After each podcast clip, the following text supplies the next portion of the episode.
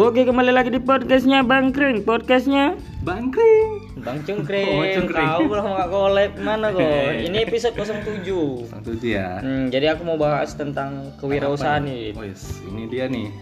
Usaha ya. Apalagi di COVID-19 ini kan uh, Pasti ada bagi sebagian orang di PHK Mau coba usaha gitu kan Iya, betul, Karena beberapa uh, Gimana lah uh, nggak bisa bekerja jadi uh, mulai usahanya tapi takut masih masih kayak gini Ya, situasi mungkin keadaan ada juga yang mikir-mikir kan. ya masih pikir-pikir apalagi kita du, pantat dua pengusaha yang bangkrut Iya. ya kan Nggak kocak, bangkrut bangkrut. kau bangkrut jadi belum covid aja aku udah bangkrut gitu. apalagi covid ya kan Apalagi covid ya. kan? Nah, jadi kita uh, temanya itu startnya dari mana gitu Startnya dari mana ya? untuk memulai usaha itu startnya dari mana gitu Betul, betul, perlu betul. keberanian kan Ya, kalau kau pribadi kemarin wirausaha kau kemarin kayak mana gitu Ya aku sebenarnya kemarin tuh startnya itu memang aku pengen buka usaha itu gitu. Hmm. Karena memang ya kondisi ya.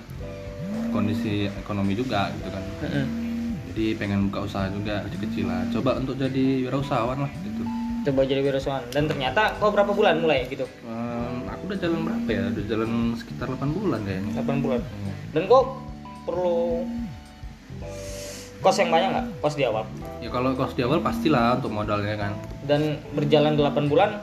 Ya ada sedikit mulai dari bulan ke 6 ke 8 udah mulai nampak. dan dan kok ngalami keuntungan gitu? Ada ada malah. enggak Ngal- jujur? Iya, jujur jujur, jujur. ada yang terbuka biar didengar sama apa ya tahu gejala-gejala kaum muda yang mau buka usaha gitu. Ya ada, cuman ya namanya usaha kan nggak langsung besar keuntungannya, tipis mungkin. tipis ya, Ya. kayak tela-tela Iya, tipis ya tipis, jadi tapi itulah. Ya, tapi lumayan kau lah 8 bulan berjalan. Beda sama aku gitu. ya, aku tuh mulai mulai itu semua itu konsepnya memang nggak Barbar.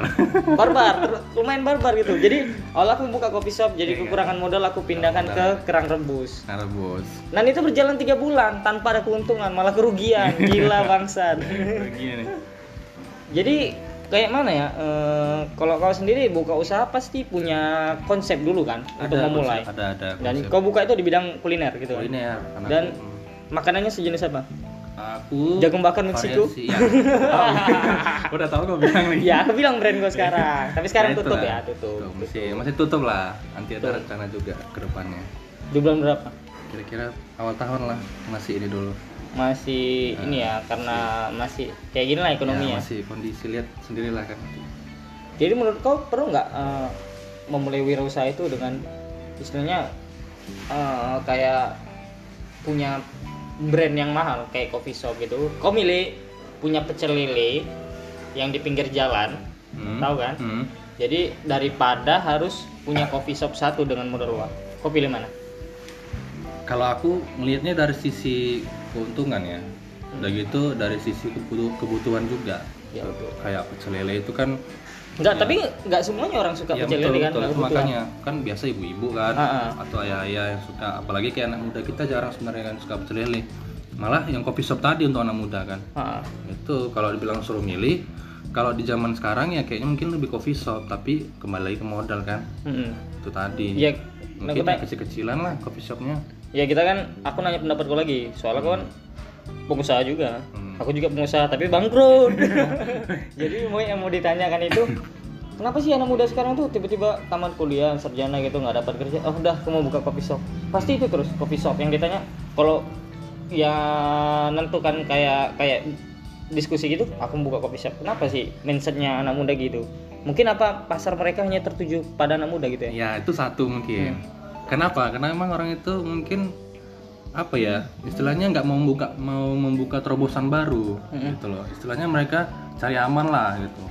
Pengen mainnya di situ aja karena mereka tahu orang mainnya di situ gitu. Kan apalagi kan coffee shop sekarang ya bagus-bagus gitu. Kayak brand-brand yang udah apa bagus. Jadi mereka mungkin mengikut istilahnya bukan membuat terobosan baru gitu. Iya. Jadi istilahnya mereka nggak punya dalam artian menurut menurutmu pribadi mereka nggak punya eh, karakter untuk wirausaha itu. Iya, tapi harus ngikut Tapi dengan itu, iya, ngikut zaman yang ada gitu iya, ya. ngikutin viralnya itu gitu.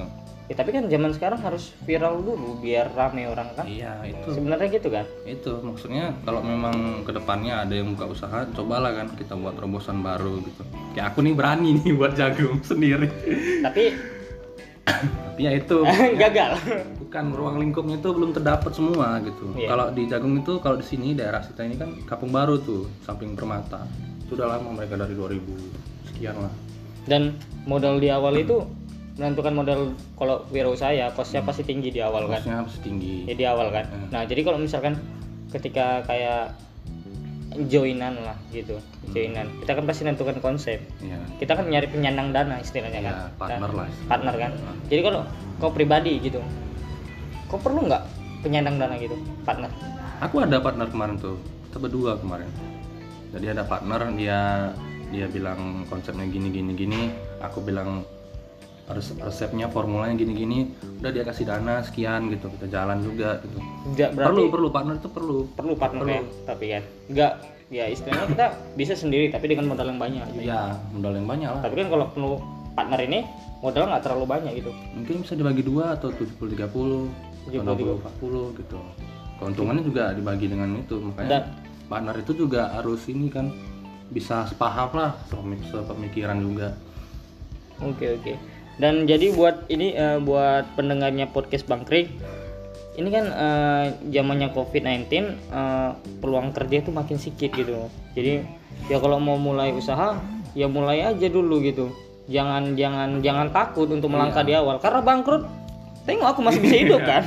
Tengok. saya itu masih, Masih banyak sih. jalan kok tenang aja Dan dan aku punya penelpon juga ini Dit. Oke. Ah, dia owner juga gitu. juga ya. Tapi dia dari Sleman. oke mau jauh ini. Ah, jauh. Dan dia lumayan juga lah lumayan berkembang gitu. Jadi kita telepon aja gitu ya. Mungkin dia lebih pengalaman dari kita berdua. Mungkin. anda 8 bulan saya tiga bulan. Mungkin dia bertahun-tahun gitu. Ini dia bertahun-tahun. Oke kita telepon ya.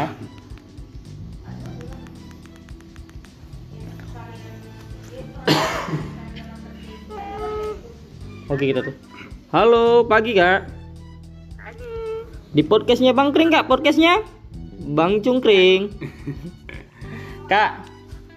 Ya, kita mau bahas kita mau bahas oh ya kak kita mau bahas tentang wirausaha ya kak ya? Langsung ke tema. Jadi eh, sebelumnya kenalin dulu. Aku bagus kak. Dan ini ada kebetulan ada narasumber juga di sini langsung. Eh, dia owner juga kak. Bekas owner ya tapi udah bangkrut. Eh, kenalin nih ya kak. Aku Adit ya kak. Halo kak. Kak aku Adit. Salam kenal. Ah, salam kenal. Dan kakak perkenalkan dulu kak diri kakak kak? Adit kak Adit, Adit. Duh, minta diulang ya, ya. minta diulang. Kakak sendiri? Saya Nana. kakak Nana. Dan kakak Nah, kakak Nana itu bergerak di bidang apa nih kak wirausaanya di fashion muslimah. Lebih tepatnya hijab sih. hijab ya. Jadi kakak produksi sendiri apa reseller ya? Iya distributor. Distributor Ah, gitu. kita produksi Produksi, sendiri. Pro- oh produksi sendi- sendiri kakak ya? Iya, berarti konveksi ya? Iya. kak Nah, ah, sebelum ke kakak ini kan kami curhat dulu nih kak. Kami pengusaha yang gagal gitu. Dan kami jadi karyawan terakhir. Ju- jujur aja satu kantor juga kita gitu. Nah jadi jadi awalnya itu eh, ya aku dulu lah ya. Aku mulai usaha itu masih di tahun-tahun ini juga sih. Cuman usaha aku berjalan tiga bulan gitu. Nah misalnya apa? ya aku kemarin buka kuliner juga kerang rebus. Nah jadi kemarin di awal itu aku konsepnya di coffee shop. Cuman kan terkendala modal coffee shop kan modal banyak itu kan kak? Iya. nah jadi ketika aku buat plan B ke kerang rebus gitu. Nah alhamdulillahnya kerang rebus aku itu berjalan tiga bulan. Dan tanpa ada keuntungan. Dan tanpa ada keuntungan gitu jadi orang nggak menurut kakak logika nggak usaha tanpa ada keuntungan Ya, itu namanya, iya namanya. bodoh ya Itu logik-logik aja sih, maksudnya ada yang tanpa keuntungan, ada Mm-mm. yang sampai rugi. Iya. Ini ini nggak rugi sih sebenarnya kak ya. Tapi lebih ke tepatnya bego aja sih nggak tahu ngambil keuntungan. Ah, Nah dan jadi kok, bisa, kok bisa. kok bisa? Itulah kak tadi. Jadi ya aku di sisi lain kerja sambil usaha gitu kan. Dan Nah, dan salah satunya itu aku nggak nguasai apa yang ku buka gitu. Jadi aku nggak nggak tahu gimana untuk produksi di awalnya itu nggak tahu. Terus takarannya itu nggak tahu lah kayak mana keuntungannya ruginya gitu. Jadi main buka gitu aja. Hmm. karena aku nggak nguasai itu tadi. keuangannya gimana tuh? Tercatat nggak pendapatan pengeluaran? oh tercatat jadi pengeluaran begitu begitu banyak dan pendapatan tidak ada jadi rugi minus sedikit minus lah Ya, itu perlu berpikir ulang ya. Iya. Apa namanya? nggak tahu lah salahnya di mana kak mungkin bakat aku nggak di situ mungkin Bukan masalah bakat, itu sebenarnya hanya masalah manajemen aja. manajemen ya terhadap penjualannya atau mungkin kalau misalnya lakunya belum sesuai sama targetnya nih misal misal misalnya biaya operasional fixednya sekian. Nah berarti kan ada targetnya nih harus terjual berapa. Nah kalau belum sesuai target mungkin eh, entah misalnya pemasarannya kurang atau mungkin produknya sendiri misalnya nggak ada serap dengan baik di market atau mungkin kurang diminati sama market. Nah gitu aja sebenarnya jadi kalau misalkan kakak men- eh, kakak sendiri kan kalau eh, ini kan berwirausaha gitu market kakak dan target kakak setiap bulannya harus dapat target gitu ya? Kalau target secara nominal sebenarnya enggak sih karena eh, apa namanya kalau masalah penjualan itu sebenarnya kan itu apa namanya tergantung dari produknya sendiri nih dan kemampuan marketnya. Itu itu malah sebenarnya udah udah udah masalah di masa lalu. Kalau sekarang itu lebih ke target produksi sama pemasaran aja. Iya sih. Iya juga. Dan dan dan ditambah lagi zaman sekarang itu kan susah nyari kerja ya kak? Iya. dan di kerja susah dan usaha juga Oh, oh. jalannya agak agak susah juga karena orang kan masih banyak yang belum bekerja. Bahkan yang di PHK banyak yang di rumah kan banyak. Iya betul kak. Dan jadi di, di sisi lain orang yang mau buka usaha yang anak-anak muda zaman sekarang masih takut gitu ah ah nanti aja lah dulu ah, nanti aja dulu gitu. Jadi mereka untuk memulainya tuh masih masih penuh dengan hati-hati lah kak keraguan gitu. Ya sebenarnya nggak perlu sebegitunya sih. Sebenarnya kan jadi usaha itu kan ada A- banyak apa yang nggak perlu kak? Kalau perlu bangkrut lagi nanti kayak aku dua kali. Jadi eh, ngambilnya yang benar-benar orang tuh sekarang saat ini tuh masih butuh tuh apa sih gitu loh. Jadi dilihat dari kebutuhan orang aja. Jadi bukan hanya sekedar kalau orang nurutin fashion itu mungkin kalau dalam kondisi normal misalnya orang bekerja biasa nggak ada pandemi nggak ada pemutusan hubungan kerja di mana-mana itu kita misalnya membuka usaha menuruti fashion kita itu masih masih bisa masuk lah gitu loh. Cuman kalau kondisi saat ini itu justru orang tuh jadi benar-benar berpikir gimana caranya kita membuka usaha yang saat ini tuh masih dibutuhkan dengan kondisi masyarakat yang perekonomiannya lagi di bawah. Jadi dengan misalnya perekonomian yang saat ini kan lagi turun banget nih. Tapi mereka tuh juga meskipun kondisi kayak gitu mereka masih butuh gitu. Kira-kira apa nih yang masih dibutuhkan saat ini? Nah Iya. itu aja. Cari yang benar-benar less risk, less risk lah. Resikonya rendah banget. Dan itu saat ini masih dibutuhkan oleh masyarakat. Iya iya kak. Dan kak ini ada juga partner aku tadi kan kak ini dia tuh wirausaha wirausaha juga 8 bulan. Sama-sama bergerak di bidang bidang kuliner. Dan dia tutup juga sih sementara tutup dulu. Kulinernya apa? Kulinernya itu kemarin eh, jagung bakar kan? Jagung bakar. Oh iya. Maaf Iya. ya Jadi sempat buka 8 bulan gitu kan. Cuman emang di bulan yang terakhir itu agak ini agak merosot gitu kan. Ada Coba- perosotan? Iya, ada perosotan gitu. Jadi untuk mikirkan berhenti dulu lah gitu. Nanti ada kesempatan rezeki lagi baru buka lagi gitu kan. iya kau curhat apa gimana nih Enggak, maksudnya gini Kak, aku mau nanya. Kayak kakak ini kan eh, di bagian hijab ya. Bagi pakaian muslim wanita lah ya. muslimah anjay Nah, ya kan cuma muslim. Kak, itu gimana Kak dampak Kakak terhadap Covid ini? Atau memang oh efeknya Ada- kemarin ya hmm, dampaknya tuh ya gimana kalau gitu? kalau efeknya itu malah parah-parahnya sebenarnya pas lagi awal-awal lockdown itu setelah karena eh, kita punya produk sampingan juga ya selain budak itu ada masker nah itu Iya, iya. tertolongnya di situ jadi alhamdulillah banget itu itu apa namanya pas mulai lockdown itu kan orang kan udah mulai pada di rumah kan segala macam. Nah satu bulan pertama mereka masih punya uang sih. Masih fine fine aja. Tapi bulan berikutnya mereka kan udah nggak gajian nih. Apalagi sih gajiannya gajian pun itu kan udah kecil banget. Nah itu untuk penjualan juga itu benar-benar turun. Misalnya ya misalnya mungkin sampai di angka tinggal 50 persen lah jualannya. Aman alhamdulillahnya itu tertolong penjualan dari masker jadi selain kita kita memang produksi masker dari dulu. Yang itu produk sampingan kita. Itu nah apa namanya dan juga apa namanya kita produksi jilbab yang untuk olahraga. Nah setelah masa-masa masker itu selesai masker itu laku tinggi itu sekitar hanya satu bulan.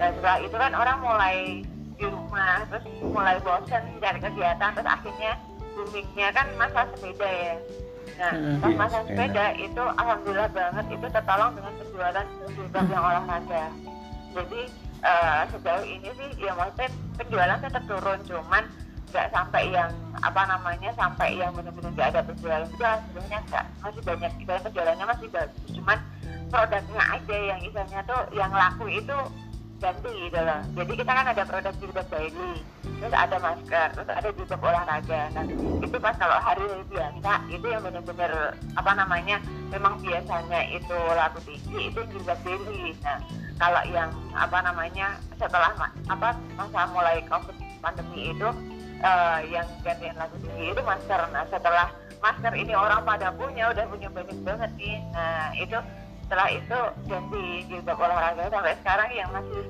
masih tinggi yang jilbab olahraga. Karena orang kan masuk kerjanya masih belum full ya. Jadi mereka masih punya banyak waktu untuk berolahraga lari berenang sepedaan. Itu yang bagus sekarang penjualannya itu. Tapi jilbab daily-nya juga tetap misalnya penjualannya bagus cuman nggak belum seperti dulu lah. Oh. Udah udah tahu? Ya mungkin itu solusi lah ya kak ya istilahnya Ah, jangan ah, berhenti jadi- dalam satu pemikiran itu gitu kan harus membuka Iya. pemikiran bercabang lah. lagi, gitu. Eh, intinya pandai-pandai cari peluang ya? Iya pandai-pandai cari peluang juga. Apa yang lagi booming kita ikuti? Mm-mm. Yaudah nanti aku buat jagung masker kak. Gimana bodoh orang pakai jagung ma- makan jagung pakai masker ya itu. Bisa bisa. Misalnya kayak kayak Hmm, kalau buat itu kerang kan olahraga. makanan pokok tapi makanan itu kan kan kebutuhan pokok. Cuman kan itu kebutuhan pokoknya kan tersier ya. Jadi ibaratnya kayak cemilan lah cemilan itu kan orang nggak butuh-butuh banget beli paling cuma kalau pengen gitu nah bisa sebenarnya tuh sambil di mix eh, jagung bakarnya tetap disediain karena sebenarnya sayang kalau sampai berhenti. Karena ketika kamu berhenti nanti mau mulai lagi itu kayak mulai Iya. kenalin lagi ya betul. ke masyarakat. Kan sayang kan udah punya pelanggan nih. Nah, lebih enak sebenarnya jagungnya tetap jalan cuma stoknya dikurangin aja. Nah sambil nyediain makanan yang lain kayak Hmm, nasi betul. atau apa yang misalnya harganya murah tapi tetap sehat kayak gitu. Betul. Orang kan pasti tetap tetap mau nih gitu loh karena kalau kayak makanan nasi itu kan makanan pokok ya.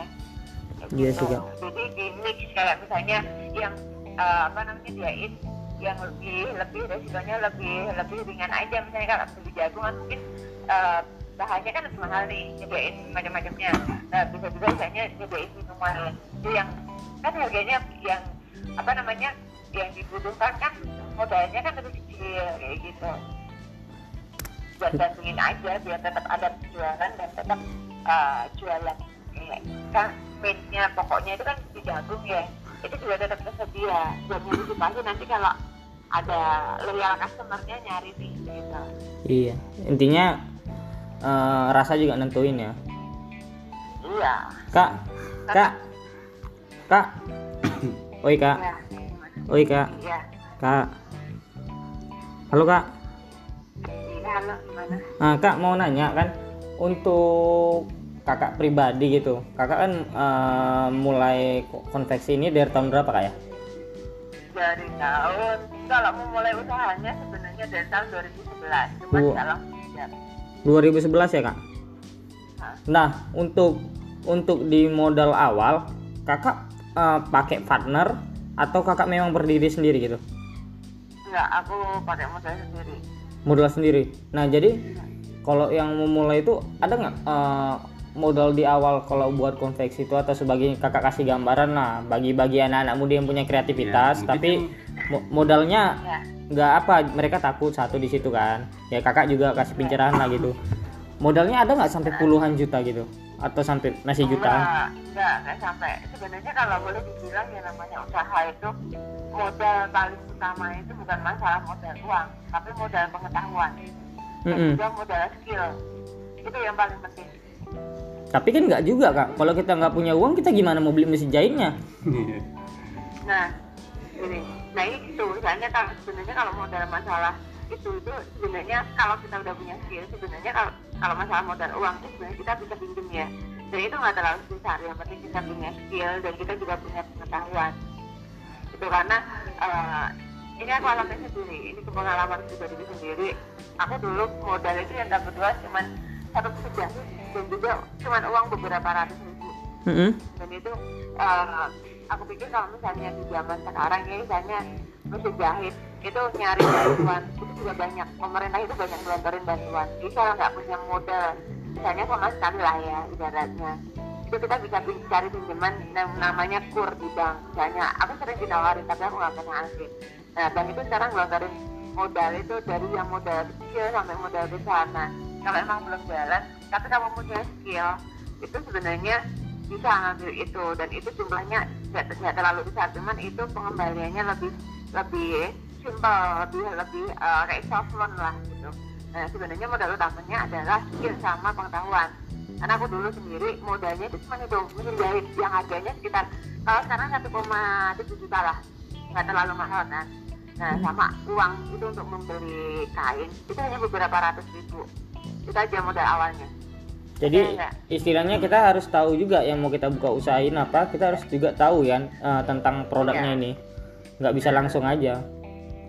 Iya iya, yang itu apa namanya eh, skill itu karena dulu aku pas eh, itu aku benar-benar belajar jahit sendiri. Jadi otodidak ya, aku beli mesin jahit, aku belajar dari kain yang tak pakai awalnya sih kain-kain pecah aja. Jadi minta aja datang ke penjahit, mbak minta kain pecah dong. Ya, gue belajar aja. Nanti kalau udah udah tahu mau bikin apa nih kira-kira, nah itu baru misalnya belajar pelan-pelan kayak gitu. Kakak jahit, Bener-bener kakak yang sorry aku potong, kakak jahitnya bisa semua gitu, jahit jahit baju, jahit celana gitu, bisa. Oh kalau baju nggak terlalu karena aku fokusnya kan di jilbab ya. Hmm. Itu kalau baju bisa sih cuman nggak nggak bisa banyak varian kayak penjahit beneran gitu karena aku emang nggak nggak masuk ke sana. Oke. Tapi kalau untuk untuk bikin produknya kayak potongnya segala macam itu bisa. Jahit mulut netizen bisa nggak? Nggak bisa. Nggak bisa. Kak. Ayo mau tanya dik. Beda soalnya. Eh, kak mau nanya nih Nih, kan sekarang itu anak-anak muda sekarang kan ya gitulah terkendala dengan pekerjaan yang semakin minim, terus terkendala dengan pemikiran-pemikiran bahwasannya wirausaha itu banyak modal gitu kan. Ada nggak kakak tips gitu untuk mereka gitu? Kan kita banyak dengerin juga nih kan. Kayak tips apa gitu? Dari kakak lah pribadi pengalaman kakak selama dari 2011 mungkin kan. Ada tips gitu untuk memulai itu gitu loh. Maksudnya kita kan pengen juga nih membuka pikiran gitu. Nah, Mm-mm, gimana sih tipsnya itu gitu?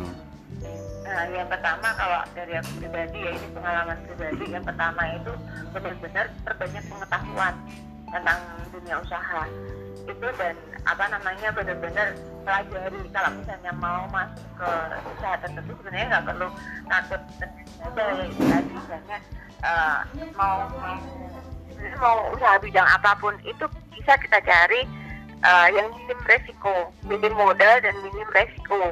Tuh cuman sebagai gantinya kamu harus benar-benar tahu nih dulu, dulu tentang ini usaha ini kamu harus punya banyak pertama punya banyak pengetahuan. Kedua semangatnya dan kemauannya itu harus tinggi. Ketiga relationship. Jadi koneksi itu emang harus kuat. Jadi emang apa namanya kalau kayak kayak kuliner itu ya untuk mengenalkan sebuah produk makanan itu harus benar-benar yang kita tuh punya relationship yang luas. Jadi ngajak teman-teman untuk nyobain. Meskipun nggak punya lapak kan sebenarnya kayak kayak apa namanya kulineran tuh nggak mesti. Misalnya harus sewa sewa tempat dari tempat yang misalnya tuh terbuka lebar kayak gitu sebenarnya kan nggak juga. Bisa dimulai dengan yang less risk less risk lah. Misalnya tuh rumahan dulu aja di rumah itu pakai GoFood sekarang kan misalnya partner kan banyak ya. Hmm. nah kayak gitu. Atau bisa sistem catering. Catering itu ya bikin produknya foto sebarin ke teman-teman di WA grup segala macam. Terus kalau misalnya mau nyoba bikin ini versi yang kecil-kecil dulu untuk istilahnya testimoni kayak gitu aja sebenarnya misalnya ya tetap ada modal tapi nggak perlu yang modalnya besar seperti misalnya tuh ketakutan nggak cuma anak muda ya anak tua juga Anak takut tua. kayak Anak gitu. tua ya. iya karena orang tuh selalu berpikir kayak yang dia lihat itu adalah eh, usaha yang udah gede udah jadi. Nah orang mikirnya pasti wah untuk bikin coffee shop segede gini modalnya berapa? Wah untuk bikin resto segede gini modalnya berapa? Karena yang dilihat adalah usaha yang udah jadi. Karena mereka nggak mau belajar awalnya gimana nih karena kenapa bisa jadi segede gini. Nah satu orang yang udah punya obat mungkin tempat kalau segede? usaha jadi matang untungnya gede tempatnya gede itu ada yang dari nol. Kedua ada yang dari lahir dari yang namanya pengusaha. Nah udah.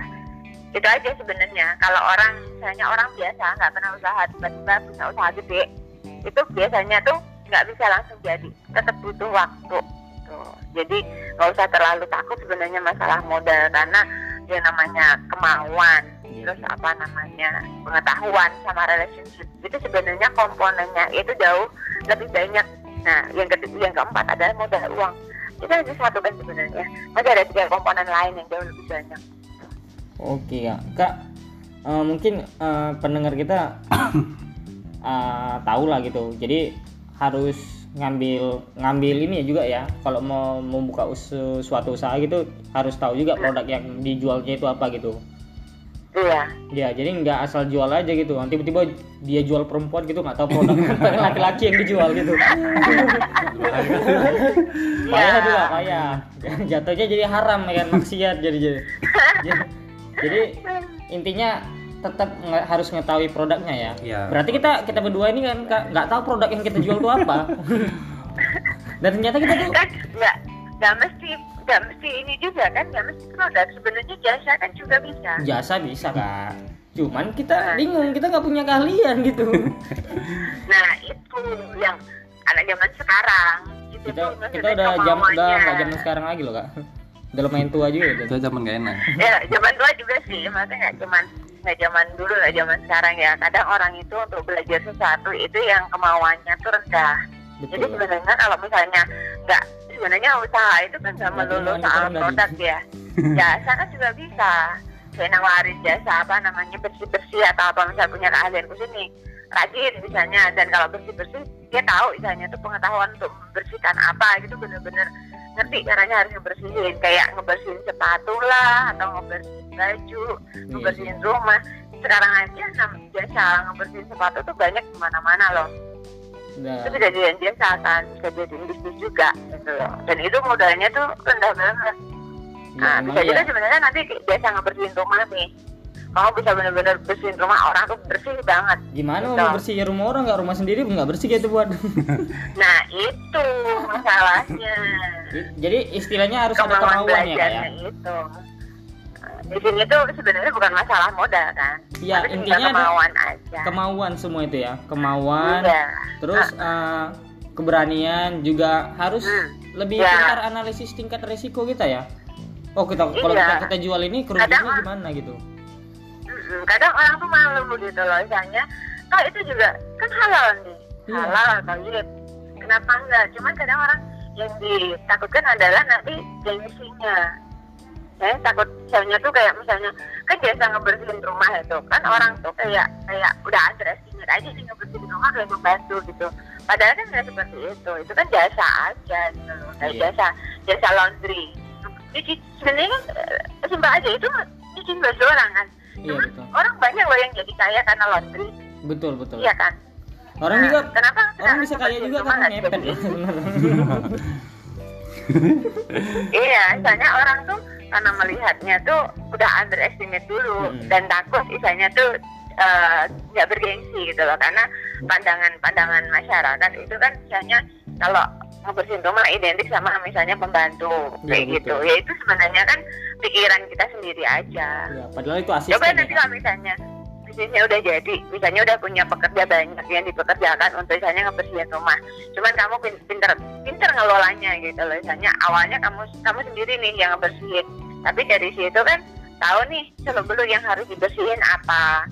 Kemudian kamu bisa misalnya tuh meng-hire orang untuk membantu. Kalau yang kerja udah banyak udah kaya udah gede usahanya orang kan nggak akan memandang rendah. Oh ternyata dari bisnis jasa kayak gini orang juga bisa membantu banyak orang nih membuka lapangan pekerjaan ya terus kamu sendiri juga ter- tercukupi kebutuhannya misal dari sini juga kamu bisa membantu banyak orang bisa nyantunin anak yatim rumah apa namanya rumah yatim piatu kayak gitu kan itu bisa misalnya tuh bisa jadi bisnis yang besar juga tinggal kita gimana ngelolanya Ya, that's good kan. That's good. Jadi ya intinya pendengar kita pendengar kita ini intinya dapat masukan lah dari kakak gitu ya.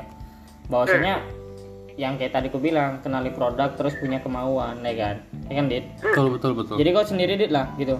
Hmm. Ada rencana ke depannya lagi eh, tentang usahanya anda apa kita jadi karyawan aja di sini selama Enggak, aku pengen ada juga pengen buka lagi sih sebenarnya. Cuman memang lagi lihat formula juga bahan berapa sekian untuk apa gitu juga. Aku kan harus mikirkan itu juga ya biasanya kalau udah dapet di situ mungkin keuntungannya ada naik berapa persen gitu.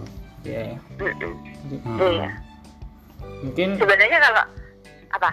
Mungkin nggak ya mungkin nggak kayak eh, maksudnya eh, orang yang udah buka usaha di satu bidang tiba-tiba gagal dia mengalami kegagalan dia harus membuka bidang lain lagi. Tingkat resikonya lebih tinggi mana menurut kakak pribadi? Apakah dia membuka lagi atau harus menekuni bidang yang sama gitu Oh, kalau menurutku sendiri sih lebih baik. Konsultasi. Sebenarnya nggak ada salahnya kalau misalnya ganti ganti bidang ya. Tapi jauh lebih baik kalau misalnya udah dimasuk di kuliner. Itu maksudnya tetap kuliner. iya tapi Pertama, dia udah sorry, Kak. punya pengetahuan. kak sorry Tuh. kuralan tapi kita bergerak di bidang kuliner juga tapi dengan produk yang beda gitu kulinernya yang beda gitu Mm-mm. Ya, kalau misalnya tetap di kuliner itu jangan yang terlalu jauh dari produk itu gitu. Misalnya apa namanya? Kalau sebenarnya kalau masih sama-sama kuliner masih nggak apa-apa sih karena udah tahu kan misalnya tuh seluk beluk tentang makanan itu gimana. Mm-mm. Misalnya tinggal misalnya tuh kayak nambah varian ilmu aja gitu loh. Yang penting nggak nggak dari kuliner terus tiba-tiba masuk di garment kayak gitu tuh jauhnya jauh banget itu memulainya dari bener-bener mungkin nggak mulai dari nol tapi mulainya dari minus Oke oke kak paham paham kak paham kak. Jadi kayak mana kapan nikah? Enggak nah ini pembahasan yang enggak ini pembahasan ini kak. Jadi kita ini sama-sama jadi pemain cadangan lah di kantor. Iya kan. Main cadangan nggak kami di kantornya. Jadi kayak mana kak ya? Kita istilahnya kita mau mulai memulai usaha tapi masih ragu gitu dengan ya dengan kegagalan yang pernah kami miliki mungkin gitu Hmm. bukan kegagalan ditinggal cewek ya tapi kita yang ninggal cewek gitu Hmm. kan soalnya mereka gitu. ya Ini usaha nih usaha. Eh, mungkin kalau masukan dari aku sendiri kalau misalnya ngalamin kegagalan sebenarnya bukan gagal sih sebenarnya hal kayak gitu tuh proses pembelajaran aja kayak kayak saya gini Ya, kamu betul, betul, betul. apa ngambil mata kuliah nih Mm-mm. Nah, kamu belajar, pas udah ternyata kamu dapat nilainya C. Nah, di situ kan sebenarnya bukan masalah gagal apa enggak, cuman ya saat itu mungkin kamu kurang belajar. Nah, terus dulu lagi ketika kamu misalnya dapat nilainya C itu, kamu kurang belajarnya di mana nih? Yang soal yang nggak bisa kamu jawab, yang mana yang nggak bener, kayak gitu aja. Iya Sama kayak misalnya kamu usaha ini, misalnya misalnya kamu merasa misalnya ilegal lah itu, kamu belajar review lagi, kurangnya di mana nih? Sorry kak, iya. Seben- gitu. sebenarnya kan kalau orang bisa itu karena mengetahui situasi kondisi kak dengan hal yang dikerjakan sama dia, dia karena memiliki dikasih menit menit jam tayangnya lebih banyak kan, kayak menguasai itu lebih lama gitu. Makanya dia terbiasa gitu kan. Nah kalau Ya. kalau ki- kalau kita nggak dapat kesempatan untuk memulai itu, pasti kita nggak akan tahu sama sekali. Bahkan yang udah tahu bisa jadi lupa kan. Iya. Betul. Betul kan? banyak banyak banyak banyak ini aja sih ya. sebenarnya kayak nyoba dan misalnya kalau misalnya belum bener ya di review lagi dan itu nggak benernya di mana sih ini tadi kok bisa kayak gini tuh kenapa nah next kalau kejadian lagi jangan diulangi lagi kayak gitu jadi melakukannya dengan cara yang jauh lebih benar dan lebih baik Oke kak, eh, mungkin itu aja dari kami berdua. Lima kata buat, eh, lima kalimat nih buat anak muda zaman sekarang. Lima kalimat kalimat kak. sedikit sekali ya biar motivasi Biar motivasi, kakak kan entrepreneurship. Ah. ya. nah, kalau dalam bidang usaha ini benar-benar uh, Oh, lima kalimat, eh, lima kalimat. ketahui lima apa lima kalimat lima banyak kalimat ya banyak Eh, lima kata, lima Lima kata. Jadi udah seadanya aja ya. Nah, kalau untuk pengen memulai usaha, pertama hal yang paling penting adalah Lima kata. uh, kemauan, kemauan, Kemauan, semangat, semangat, pengetahuan, pengetahuan, doa. doa doa. Satu lagi. jodoh enggak Itu aja sih benar kalau modal itu Berarti empat ya. harus punya sendiri. Berarti empat ya. Ya. Empat ya kak. Oke. Mm. Jadi pesan dari Kak Nana yang tadi kemauan, pengetahuan, doa sama Semangat. Semangat. Nah, jadi kalau nggak punya konsep empat itu Jadi semangatnya harus benar-benar dipelihara. dipelihara kak ya, dipelihara terus diternakin ya, gitu. internet Ya dibagi Iya. semangatnya sama yang lain gitu. Dikembangin ya. Dikembangin gitu. Jadi intinya dari Kak Nana tadi empat konsep tadi bisa lah untuk anak muda yang mau memulai gitu. Jadi Mm. jangan tinggalkan doa, terus semangat, ya kan? Punya pengetahuan, Pengetahuan. kemauan, punya niat. Nawa itu ya intinya. Oh Iya. itu usaha aja Ya harus benar-benar nggak cuma untuk memulai ya, tapi juga untuk memelihara usahanya kalau udah jadi. Hmm, Jangan memulai tapi nggak bisa mengakhiri ya enggak? Iya. Shit, ya. Oke Kak Nana, see you Kak Nana ya. Oke, Makasih banyak Kak. Sukses Kak untuk usahanya Kak ya. Ya, Oke, makasih Kak Nana. sama-sama.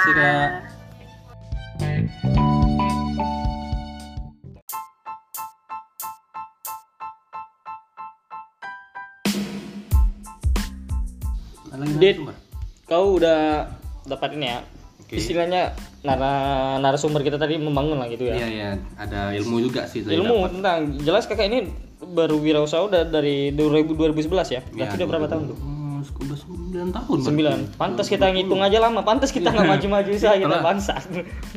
Jadi ya proses itu harus dinikmati gitu kan. Iya, dinikmati juga sih. ya istilahnya aku pribadi gitu proses yang kolam itu susah gitu aku banyak ngeluhnya juga itu satu itu mungkin tamparan dari Tuhan Iya, ya tamparan. tamparan Ya gitu aku pun banyak ngeluh juga lah pastinya. namanya kita yang masih muda ini tapi kegagalan itu bukan harus dipendam gitu selamanya di bawah gitu Iya betul. ya bangkit lagi Bangkit lagi. never give up ya itu bahasa Inggris saya never give up Pernah pendengar tuh di mana? Yuk apa kalau jatuh bahasa Inggris apa ya jatuh fall. fall Hmm. you fall you stand up you Iya. fall you stand up man nama komedi ya. Oke ya, mungkin itu aja ya. Oke, Eh, dari kau lah, kau juga owner, mantan owner, ex owner, CEO, CEO, CEO, CEO. Oke. Oke, oke. Eh, dari kau, Eh, mungkin empat kali empat kata. empat kata. Ya itu tadi start aja gitu. Wah, start aja, Start aja dulu. start aja, start aja usahanya. dulu dia usahanya. Enggak dari start aja dulu usahanya. Eh kan empat kan? Empat, Nah, oke. Start aja dulu usahanya gitu. Dari aku ya, Hmm. jangan mau jadi karyawan. Hidup wirausaha.